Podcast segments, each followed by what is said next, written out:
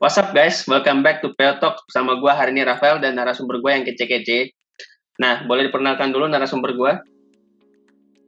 Oke, okay, hello guys. Perkenalkan nama aku Julius Fang. Nah, sekarang aku sedang kuliah mengambil jurusan Hukum Bisnis di Podomoro University. Sekian dulu perkenalkan dari saya. Halo guys, gue Levina Caroline dari Accounting 2018. Thank you ya hari ini kesempatannya udah diizinin untuk sharing-sharing.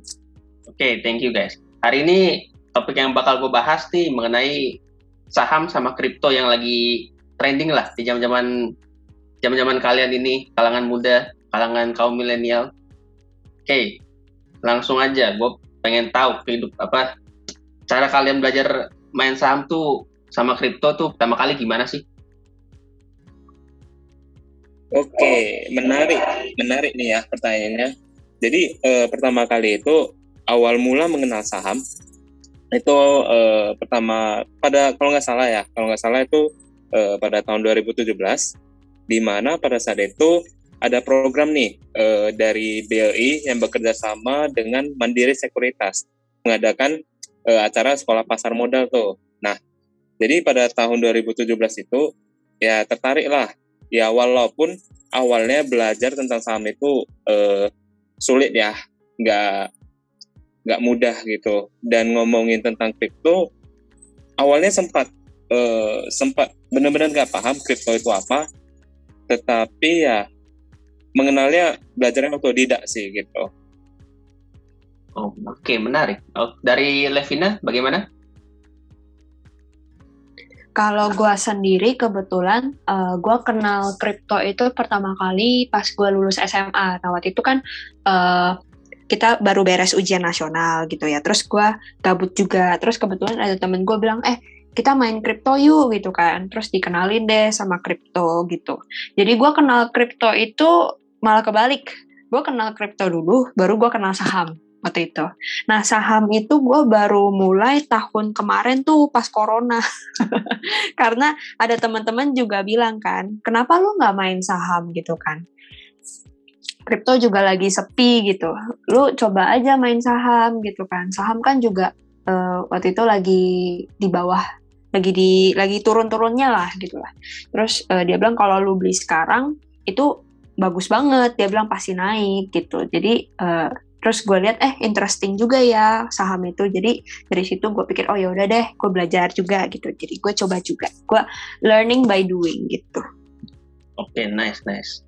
Uh, jadi kan lu udah kurang lebih belajar udah lumayan lama ya. Apa sih kalau kesal lu pertama kali pelajarin tuh saham sama kripto gitu? Boleh dari Julius Oke, kalau kesannya pasti banyak ya, karena eh, kalau belajar saham itu kan kita berbicara tentang eh, sebuah perusahaan gitu ya, perusahaan terbuka, yang mana pastinya kita nggak boleh sembarangan beli dong. Yang pertama yang harus kita lihat itu kan pastinya eh, rekam jejak perusahaannya gimana gitu, terus eh, secara mungkin secara analisa teknikalnya, terus eh, fundamental perusahaannya gimana, ya menurut ya susah sih awal-awalnya sih. Dan kalau ngomongin kripto itu lebih menurut aku kripto itu lebih susah sih daripada saham sih karena uh, kripto itu kan secara global ya. Kalau uh, kita ngomongin secara saham berarti kan kita ngomongin di Indonesia-nya aja gitu sih menurut aku. Ya, betul betul. Kalau menurut dari pandangan Levina? Kalau menurut gue ya namanya kita sebagai orang awam, kalau baru pertama kali belajar saham atau kripto pasti banyak banget kesusahannya gitu ya, kalau kesahnya. Uh, karena banyak banget istilah-istilah yang belum kita dengar sebelumnya gitu. Jadi ya otomatis kan pasti gelap gitu kan. Apalagi waktu itu belum ngerti cara baca chart, tahu pola-pola tren gitu kan.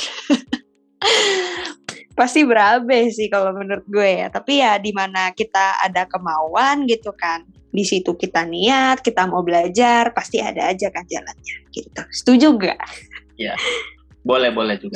Setuju banget sih sama Levina sih. Tadi kan si Julius kan ada mention apa technical apa analisa Yes. secara teknikal sama fundamental ya. Menurut lu Betul, betul. yang paling susah buat dipelajarin bagi lu berdua itu yang mana sih? Dan alasannya kenapa gitu? Oke, Eh, kalau menurut gua ya paling susah itu pelajari tentang fundamental gitu, karena fundamental itu eh, cakupannya super super luas banget gitu. Kalau secara teknikal kan kita bisa pelajari eh, misalnya secara eh, kapan saham itu uptrend, kapan saham itu sideways, kapan saham itu eh, downtrend gitu. Kalau kalau ya menurut aku sih paling susah itu fundamental sih karena harus ngecek banget Kayak ini emiten. gitu ya. yes benar apakah emiten ini cuma untuk IPO cuma untuk ngerampok gitu kan sering denger ya Bener-bener. Sama siapa yang backupin perusahaannya gitu ya. nah betul kalau secara teknikal kan everyone can be bandar gitu teknikal itu kan kita ngomongin tentang oh misalnya lu punya big money gitu kan lu bisa ngegerakin candlenya gitu kalau secara fundamental kan lu nggak bisa kendal kendaliin gitu loh Susah ya, Makanya pasti menurut pakai gua- orang dalam gitu ya. Iya benar. Jadi menurut gua itu lebih susah kita pelajari tentang fundamental gitu. Kalau secara teknikal kan everyone can learn it gitu. Oh, Kalau fundamental harus butuh waktu yang benar-benar lama. Jadi menurut gua yang susah itu secara fundamental sih bro. Oke, oke. Nice answer. How about you, Levina? Kalau gue setuju banget sih sama Lius. Fundamental lebih susah ketebak karena gimana pun perusahaan, apalagi perusahaan di Indo kan bisa dibilang eh, ngegoreng beritanya kan. Gila-gilaan ya. Ini juga ya, lumayan renyah juga ya goreng-gorengannya yang isu-isu Yoi. aja yang belum ada aja kadang bisa ngegerakin saham tuh gila-gilaan gitu kan. Dan nggak cuman dari saham sih menurut gue kripto sendiri fundamental juga susah ketebak karena kalau lu perhatiin gitu ya koin-koin ini tuh udah lama ada tapi eh, as for fundamental dan project-project koin ini ada dan gak ada itu kan ya susah kelihatan juga gitu kan nggak semuanya kita bisa lihat oh ini koin ini projectnya ini koin itu projectnya itu gitu nah sedangkan kalau analisis eh, teknikal itu kan ya itu kan udah based on textbook gitu loh Eh, pola kayak gini gitu ya. menandakan ya menandakan kayak polanya bullish, polanya bearish gitu kan. Tapi gimana gimana ya kalau misalnya eh, teknikal juga aku nggak sepenuhnya ini sih aku sih personally lebih suka saham yang eh, ada story-nya gitu loh. Jadi dia uptrend, saham aku cari saham yang uptrend dan dia emang ada story-nya, ada fundamentalnya gitu. Jadi kayak kenaikannya itu reasonable gitu loh bukan karena lukisan ya bukan karena catnya dilukis gitu atau dimainin sama ya bandar-bandarnya gitu kan supirnya Oke, gitu interesting answer ya. Nah, kan lu orang udah pernah pelajarin basicnya dong. Pasti kan mesti praktekin kan hasil yang dari yang lu pelajarin itu. Nah, gimana sih hasil praktik lu di lapangan tuh? Kayak terjun ke saham-saham sama kripto itu? Mulai boleh dari Julius? Oke, nah sebenarnya menarik ya. Apa yang kita pelajari di lapangan sering beda gitu ya. Itu sebuah eh, quotes yang sering didengarkan ya bro ya. Nah, Iya, betul. Nah makanya misalnya kita kita udah belajar nih, kita beli buku gitu kan tentang analisa teknikal, tentang eh, belajar tentang fundamental. Tetapi nyatanya di lapangan kita tahu nih sebuah emiten sehat ya. Kita tahu sebuah emiten itu sehat, laporan keuangannya bagus, terus eh, bebas dari hukum, nggak pernah masalah. Pokoknya semuanya sehat deh gitu kan. Tetapi di lapangan prakteknya saham ini kok gocap terus gitu. ini kan makanya menarik gitu. Apa yang kita pelajari belum tentu di lapangannya itu sesuai dengan apa yang kita pelajari gitu. Mungkin karena Misalnya- beberapa faktor ya. Ya betul. Misalnya makanya secara eh, jelas ya, secara jelasnya kita lihat misalnya sebuah emiten gitu kan muncul nih eh, berita positif gitu di entah CNBC, terus di bisnis.com dan lain-lainnya. Misalnya kerjasama, merger, sebuah emiten merger dengan eh, emiten lain gitu, akuisisi dan lain-lain gitu. Loh, Tapi di lapangan, misalnya pas hari di mana berita itu keluar, loh kok sahamnya turun gitu. Makanya apa yang kita pelajari terkadang di lapangan terbalik ya. Iya, nggak sesuai makanya perlu eh, pesan-pesan dari misalnya para bandar atau trader yang udah memiliki jam terbang tinggi, mereka bakal bilang teori itu bakal kepake dikit gitu. Kalian harus eh, terus apa ya memiliki jam terbang tinggi gitu, terus latih diri eh, kalian gitu, terutama tentang psikologi psikologi kita gitu pada saat kita entah trading atau investing gitu Gitu sih bro. Oke, menurut Levina bagaimana? Nah, gue setuju banget sih sama Lius. Namanya psikologi sama jam terbang. Karena gue kenal banget tuh di situ tuh dulu tuh. Kebetulan Lius ini uh, waktu itu uh, pas corona ya Lius ya kita nyahamnya awal nyaham itu bareng kan ya. Yang inget yes, gak sih yang kita kita sering banget diskusi pas awal-awal itu. iya, uh, jadi gue juga setuju banget sama Lius kalau misalnya Lius ngomong soal psikologi gitu ya sama jam terbang. Karena gue sendiri pun gue juga udah berusaha gitu ya pas awal-awal belajar saham, gue belajar lewat uh, live live edukator-edukator gitu kan. Terus gue nontonin video-video YouTube-nya para edukator gitu kan. Terus gue bacain bukunya technical gue cari info gue diskusi ya kan. Keliling-keliling cari insight gitu kan sama community. Tapi pada kenyataannya gimana pun juga kalau psikologi kita belum siap jam terbang nggak bohong lah. Namanya jam terbang tuh nggak bohong gitu. Jadi di mana psikologi kita belum siap udah masuk pasar, biarpun otak kita mikirnya, oh ini saham tuh feeling gue ini berdasarkan apa yang udah gue pelajarin, ini akan naik. Tapi secara psikologi kita belum siap. Nah itu sama aja loh bohong gitu. Jadinya kayak di dalam yang gue rasain pada saat itu, gue otak gue tuh kayak ribut banget. otak gue tuh ribut banget. Akhirnya biarpun gue udah belajar, tapi ya nggak sinkron gitu loh apa yang otak gue mau sama apa yang sebenarnya gue tahu gitu itu enggak sinkron jadi alhasil itu yang bikin gue dalam di pasar jadi apa pun yang, gitu loh. apa pun yang lo pelajarin suka nggak sesuai ekspektasi lu gitu ya Iya, jadinya tuh sebenarnya kayak gue tahu ini harusnya nanti jadinya kayak gini. Tapi di dalam otak gue tuh bilang, aduh ini jangan-jangan bisa turun lagi gitu kan, uh, atau gimana? Yang ada tuh ngambil keputusannya tuh jadi nggak nggak inilah nggak rasional lah nggak nggak oke okay, gitu. Yang ada malah bikin rugi.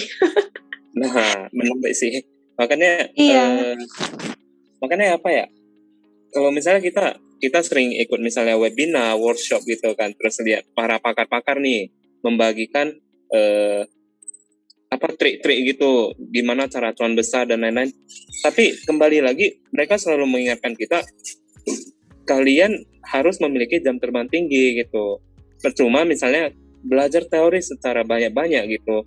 Misalnya pas eh, pas misalnya lagi transaksi gitu, psikologi nggak siap ya bahaya juga gitu loh. Makanya eh, perlu dilatih sih gitu. Lo latih mental ya kalau main ya. ya. Karena gini, eh, karena gini, menurut menurut aku yang namanya market itu nggak selalu memberikan nggak menjamin 100% cuan.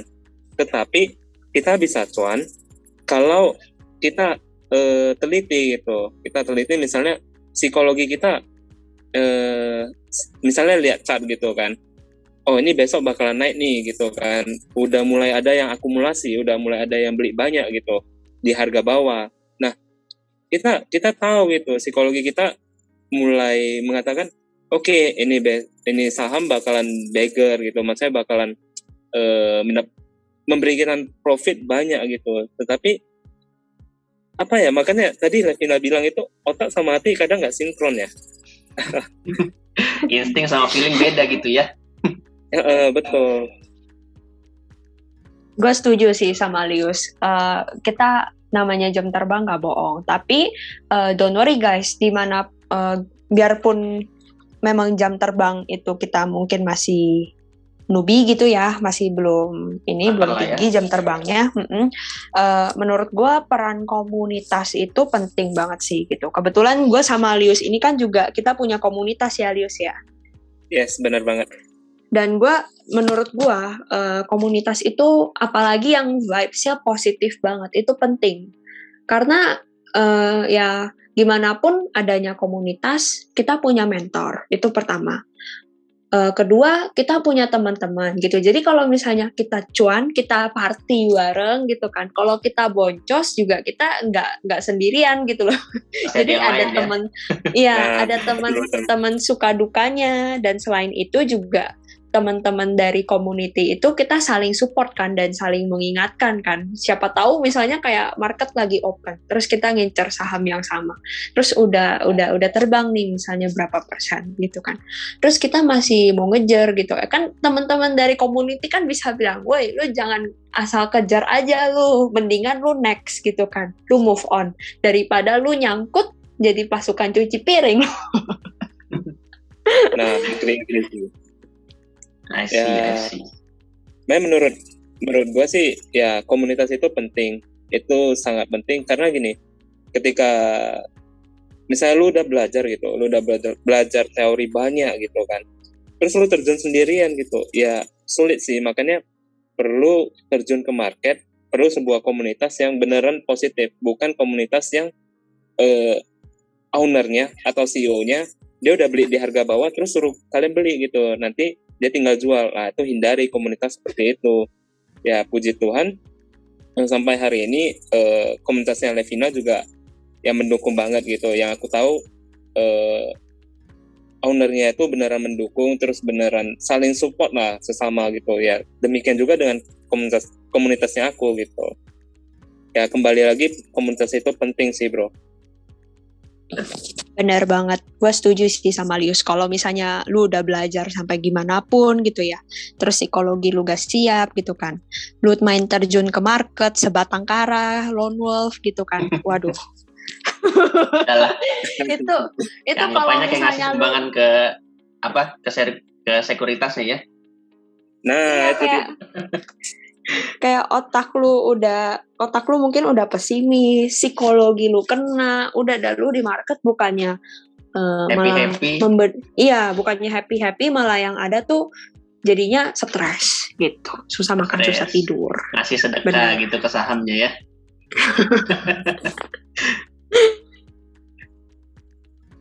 Oke, okay. dari yang gue dengar pengalaman kalian anggapannya tuh udah amatir lah, bukan newbie lagi. Maksudnya kayak beginner-beginner gitulah. Jadi gue pengen nanya nih, platform apa yang menurut lo orang oke okay banget buat saham atau kripto, khususnya para pemuda atau pemudi yang ingin mencoba investasi atau trading? Boleh dijawab, guys? Oke, okay, uh, eh, kalau menurut aku ya, kalau misalnya untuk yang pemula, maksudnya beneran yang uh, masih awam gitu ya hmm. ingin melakukan investasi saham atau trading saham, yang pertama pasti melekat sebuah nama sekuritas itu ajaib gitu, ajaib gitu kan. Tetapi kalau misalnya dia udah next level, misalnya udah udah ngerti gimana cara uh, buy-nya kapan, sell-nya kapan gitu kan, terus uh, bisa baca bid offer gitu, harga beli dan harga jual, terus pokoknya hal-hal yang dasar gitu ya. Nah itu bisa up gitu, bisa up level. Dan aku pribadi saat ini sih menggunakan sekuritas iPod gitu, iPod sama Mirai gitu. Itu yang untuk next level ya. Oh, kalau untuk uh, kalau untuk kripto, ya aku lebih saranin toko kripto. Kenapa toko kripto? Karena uh, bagi pemula sendiri kan pasti melekat uh, mereka ingin cuan terus gitu kan. Jangan mau nggak mau ada lossnya ya. iya bener. Makanya aku lebih menjamin toko kripto kenapa? Karena itu fee-nya, fee beli, fee jual dan fee withdrawnya itu murah banget gitu. Dan misalnya teman-teman boleh dicek lah, itu di Google mereka udah eh, sering sharing lah artikel tentang fee-nya toko kripto itu murah gitu. Dan aku lebih saranin itu sih kalau untuk kripto ya. Oke, menurut Levina platformnya apa aja yang bagus? Kalau gua sendiri untuk saham, uh, eh, gue rekomend Trimegah sih karena di Trimegah itu dia aplikasinya itu ada nama ada bagi ada menu terima ideas gitu ya. Dan di terima ideas itu uh, dari sekuritasnya itu analis-analisnya itu suka kasih suka uh, kasih ini apa namanya stock pick gitu kan uh, terus udah gitu apa yang menarik dari perusahaan itu ada ceritanya misalnya ada update company ini mau bikin project ini atau itu gitu kan terus dia juga ada sisipin uh, technicalnya gitu. Jadi uh, di mana kira-kira level buy yang kira-kira oke, okay, level sell yang kira-kira oke okay di mana gitu. Dan stock pick mereka so far sih menurutku menarik-menarik banget gitu ya. Dan nggak cuman itu uh, di bagian apa namanya uh, kalau kita mau buy saham itu juga dia sendiri ada di chartnya itu ada support dan resistennya udah ada udah ada garis-garisnya jadi kita tinggal ikutin aja gitu dan dia kasih uh, lihat kok upside dan downside-nya itu bisa naik bisa turun kira-kira sampai berapa persen gitu. Selain itu kalau diterima gah uh, dia juga ini sih apa namanya uh, ada minimum gak ada minimum ini ya saldo ya jadi mau 100 ribu buka buka akunnya pun juga udah oke okay, gitu terus uh, dia juga ada reksadananya gitu jadi kita nggak cuma bisa beli saham tapi kita juga bisa beli reksadananya Nah, terus selain terima gah, aku rekomen ya si Mire. Tadi kayak kata Lius gitu kan. Mire secara fee memang lebih rendah gitu daripada si. Terima gah lebih mahal dikit.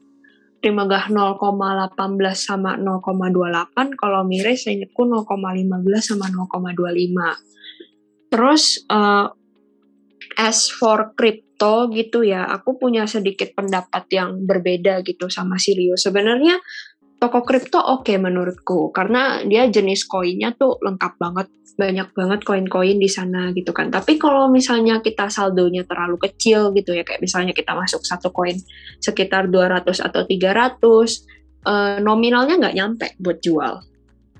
Nah terus eh, kalau menurut aku daripada toko kripto lebih gampang pakai Indodex sebenarnya. Karena Indodex itu langsung uh, eh, IDR kan. Dia dia langsung IDR sama harga koin. Tapi memang fee-nya toko kripto itu sama Indodex itu beda jauh lumayan. Bedanya lumayan juga gitu. Tapi dari segi kemudahan menurutku lebih mudah Indodex gitu ya. Cuman kekurangannya lagi selain fee-nya mungkin lebih mahal, dia juga pilihan koinnya nggak nggak selengkap toko kripto lah gitu. I see. So dari kalian berdua, saya mendengarkan kalian bercerita tuh rasanya kayak udah pengalamannya udah banyak gitu ya. Mau nanya nih, kalian kalian berdua tuh udah main saham berapa lama sih sama kripto? Oke, kalau dari saham, hmm, buat accountnya itu 2017 gitu ya, 2017 dan itu beneran like, ah udahlah, males lah belajar saham gitu kan, mm-hmm. buat account aja gitu kayak jadi pajangan gitu kan, dan start 2018 lah yang yang itu udah mulai uh, baca-baca, tetapi belum melakukan transaksi gitu, cuma lihat-lihat aja gitu. Masih belajar yang bener, gitu ya?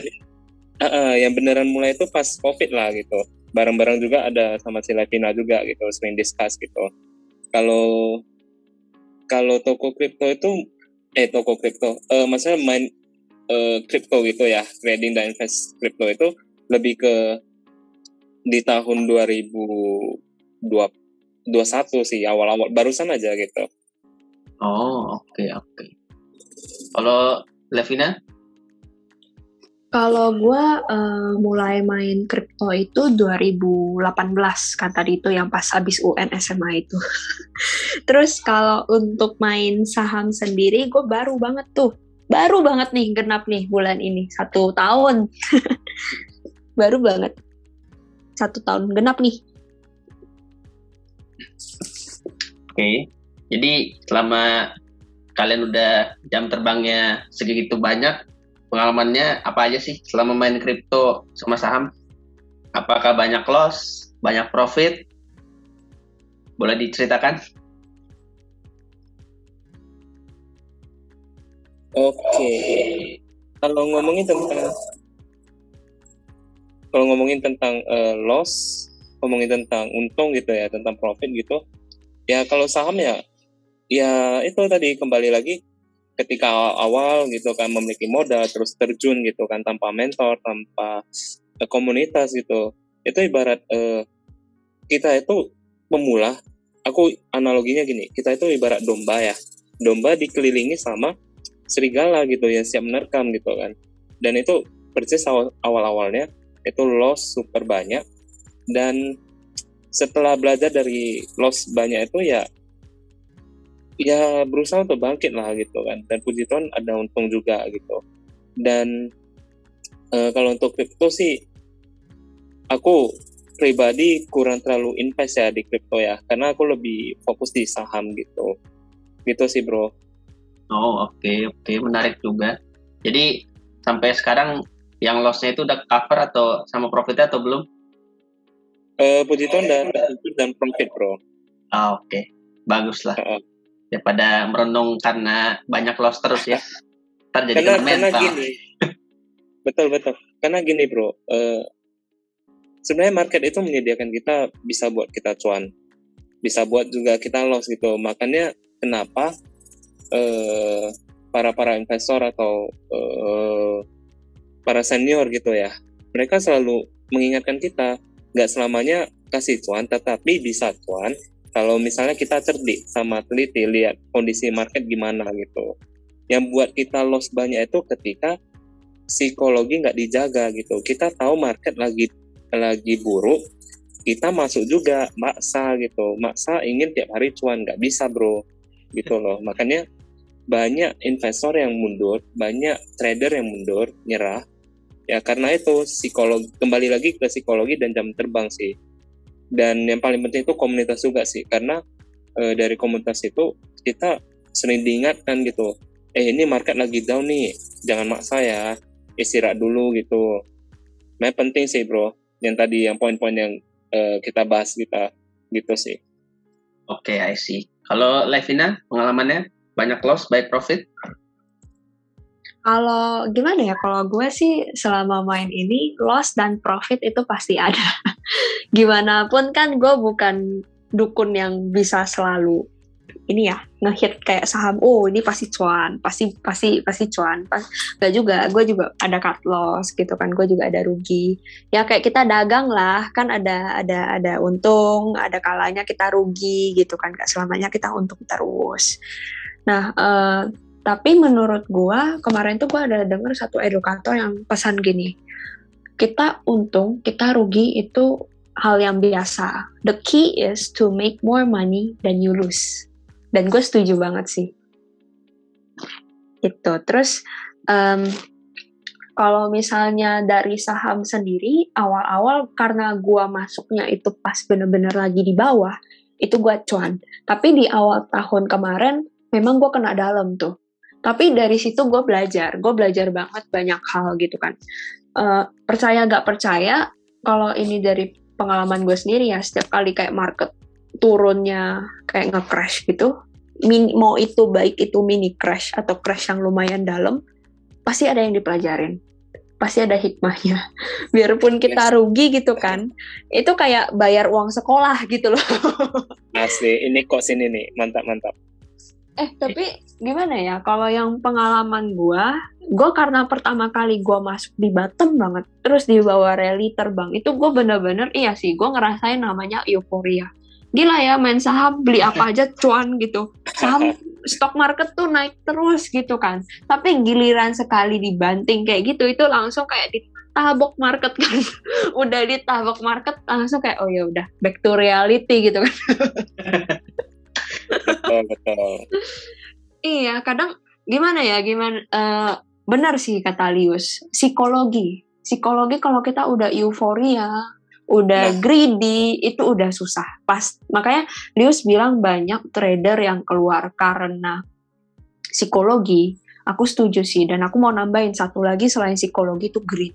Karena itu yang juga yang hancurin trading yes. plan kita itu yang hancurin psikologi kita itu biggest enemy lah biggest hand, uh, biggest enemy of man being itu greed mereka. Mau itu ngegrid di hold mau itu ngegrid di mana pun ya. Itu sih. Ya betul sih. Makanya uh, yang penting itu jam terbang psikologi dan grit gitu. Misalnya ya betul. Ya makanya kita kan sering uh, misalnya sebelum market open nah malamnya itu kan bisa tuh analisa gitu. Uh, praktekin lah apa yang dipelajari cobalah dipraktekin gitu entah analisa teknikalnya atau fundamentalnya gitu. Jadi besoknya itu kita udah siap nih siap perang gitu kita siap masuk market kita udah punya trading plan kita udah punya strategi gitu. Jangan sampai kita masuk ke uh, ke zona orang lain gitu ya ke yang lain yang orang udah punya trading plan mereka yang jadwalnya take profit kita masuk gitu. Otomatis kita menyumbang profit untuk mereka. Ya kan Nev gue setuju banget sih. Karena ya karena itu sering banget sih begitu. Kita kita udah siapin trading plan. Kita udah susun nih strategi bagus banget. Tetapi karena eh, besoknya trading plan kita nggak jalan kita nyerah gitu otomatis kan muncul sebuah eh, greedy terus psikologi terganggu.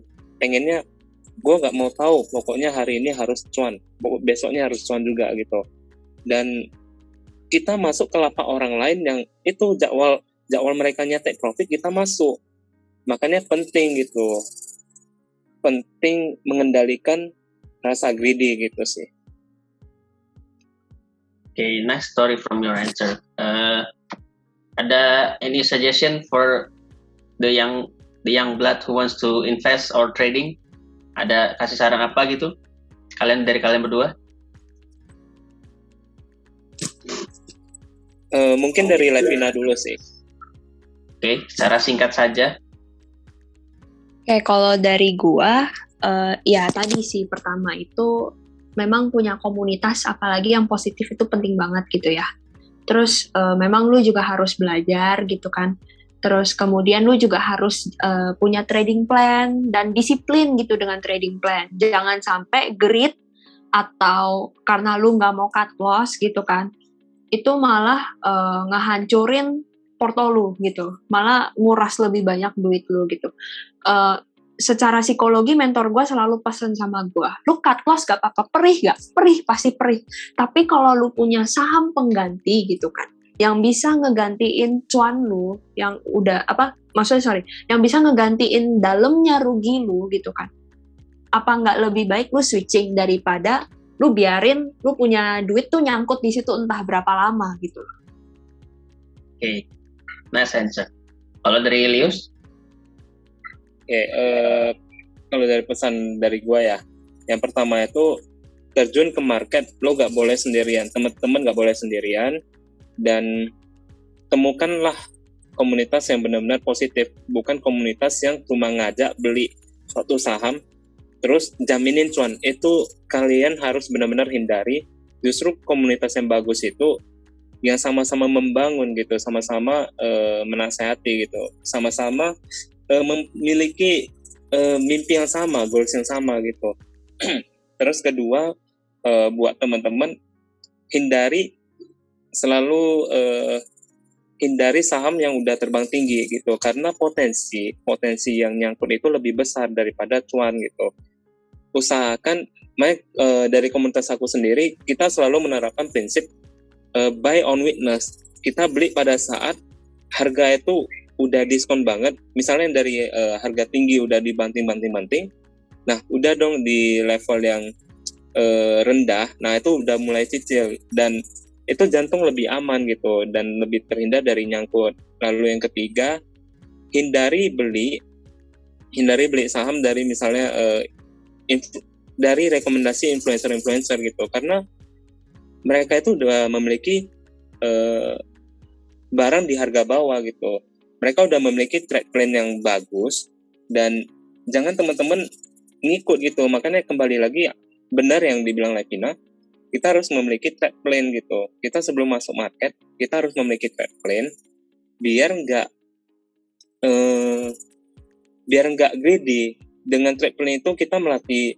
eh, greedy rasa greedy gitu sih. Biar nggak mudah greedy sih. Menurut aku sih gitu. Oke okay, oke. okay uh, tipsnya tips tips and triknya sangat bagus ya dari kalian berdua ya. Uh, sayangnya kita kali ini mesti berpisah karena kita sudah bicara banyak mengenai saham sama kripto.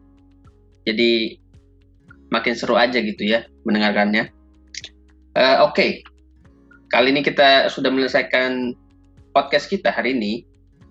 Jadi mohon ditunggu ditunggu lagi ya pada pendengar setia dari PU Podcast untuk setiap hari Jumat kita akan selalu siapin lah tiap minggu terutama hari Jumat selalu ada podcastnya. Oke guys, terima kasih atas waktu kalian. Sampai jumpa.